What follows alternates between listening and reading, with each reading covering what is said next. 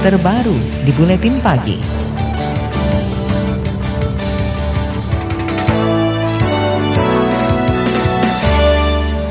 Aliansi Jurnalis Independen atau AJI mencatat pada 2019 pelaku kekerasan terhadap jurnalis terbanyak dilakukan oleh polisi dan masyarakat. Catatan ini disampaikan Aji berkaitan dengan Hari Kebebasan Pers Internasional atau World Press Freedom Day hari ini. Menurut Ketua Bidang Advokasi Aji Indonesia, Sasmito Madrim, sejak Januari 2018 hingga Mei 2019 terdapat 15 kasus kekerasan yang dilakukan polisi. Padahal jurnalis harusnya menjadi kawan, bukan lawan. Kalau 2019 untuk polisi ada dua kasus ya, yang dulu yang kasus ketika apa, apa di Surabaya. Ada teman wartawan ketika meliput pertandingan sepak bola. Persebaya lawan Arema kalau nggak salah. Itu hmm. pas Piala Presiden kalau nggak salah nanti bisa dicek. Uh, itu ada salah satu wartawan yang ketika mengambil gambar terus kemudian dipaksa dan disuruh menghapus dan polanya hampir ketika terjadi kasus kekerasan kemarin di, di Bandung. Ketua Bidang Advokasi Aji Indonesia Sasmito Madri menjelaskan kekerasan yang dilakukan oleh anggota polisi selalu berulang. Padahal menurutnya jurnalis yang menjalankan tugasnya dilindungi oleh Undang-Undang Pers. Kasus terbaru adalah kekerasan yang dilakukan polisi ketika para jurnalis meliput Hari Buruh Sedunia Rabu lalu. Juru bicara Mabes Polri, Dedi Prasetyo mengatakan polisi menggandeng sejumlah organisasi wartawan di Bandung untuk mengantisipasi dan mencegah berulangnya kembali kasus kekerasan terhadap jurnalis. Selain itu, Dedi mengaku telah memeriksa anggota polisi yang diduga melakukan kekerasan terhadap jurnalis di Bandung. Mulai hari ini, nanti saya akan koordinasi dengan PBI, AJI,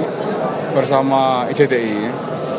Sekarang setiap rekan-rekan media meliput unjuk rasa yang dalam tanda kutip kita bisa prediksi akan berakhir terjadi uh, bentrokan fisik, kita akan memberikan tanda. Kalau rekan-rekan media tidak menggunakan lambang pers, rompi atau yang lambang pers yang dalam arti kata mencolok itu.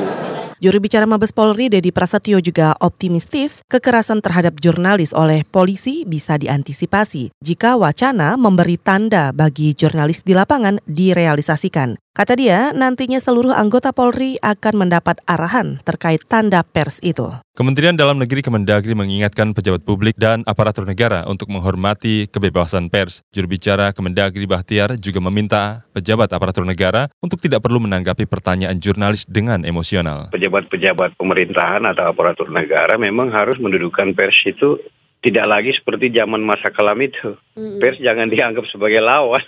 Gitu loh dan jangan lagi berpikir pers itu bisa diatur seperti dulu gitu. Pers itu bukan dikendalikan, ya dilayani gitu. Tugasnya aparatur negara sebagai pelayan publik ya sejauh mungkin menjawab, menjelaskan apa yang menjadi uh, kebutuhan kawan-kawan uh, pers gitu. Juru bicara Kemendagri Bahtiar mengklaim Indonesia merupakan salah satu negara dengan undang-undang pers paling maju di dunia. Itu lantaran pemerintah tak bisa ikut campur di kelembagaan pers. Namun dia juga meminta lembaga pers berbenah dengan meningkatkan kompetensi jurnalis dan memberitakan sesuai dengan kode etik. Dewan Pers mengingatkan masyarakat, pejabat publik, dan kepolisian untuk memahami peran pers ketika menjalankan profesinya. Anggota Dewan Pers Jimmy Silalahi mengatakan intimidasi dan kekerasan terhadap jurnalis adalah pelanggaran undang-undang pers. Bahwasanya memang di banyak negara memang masih terjadi ya kekerasan terhadap wartawan termasuk di Indonesia. Nah ini yang memang perlu kerjasama dari semua pihak. Dewan Pers uh, senantiasa dalam berbagai programnya di berbagai daerah bahkan dalam kampanye semacam upaya kita mensosialisasikan, melakukan literasi ya, baik itu edukasi kepada wartawan, kepada perusahaan pers maupun literasi kepada masyarakat.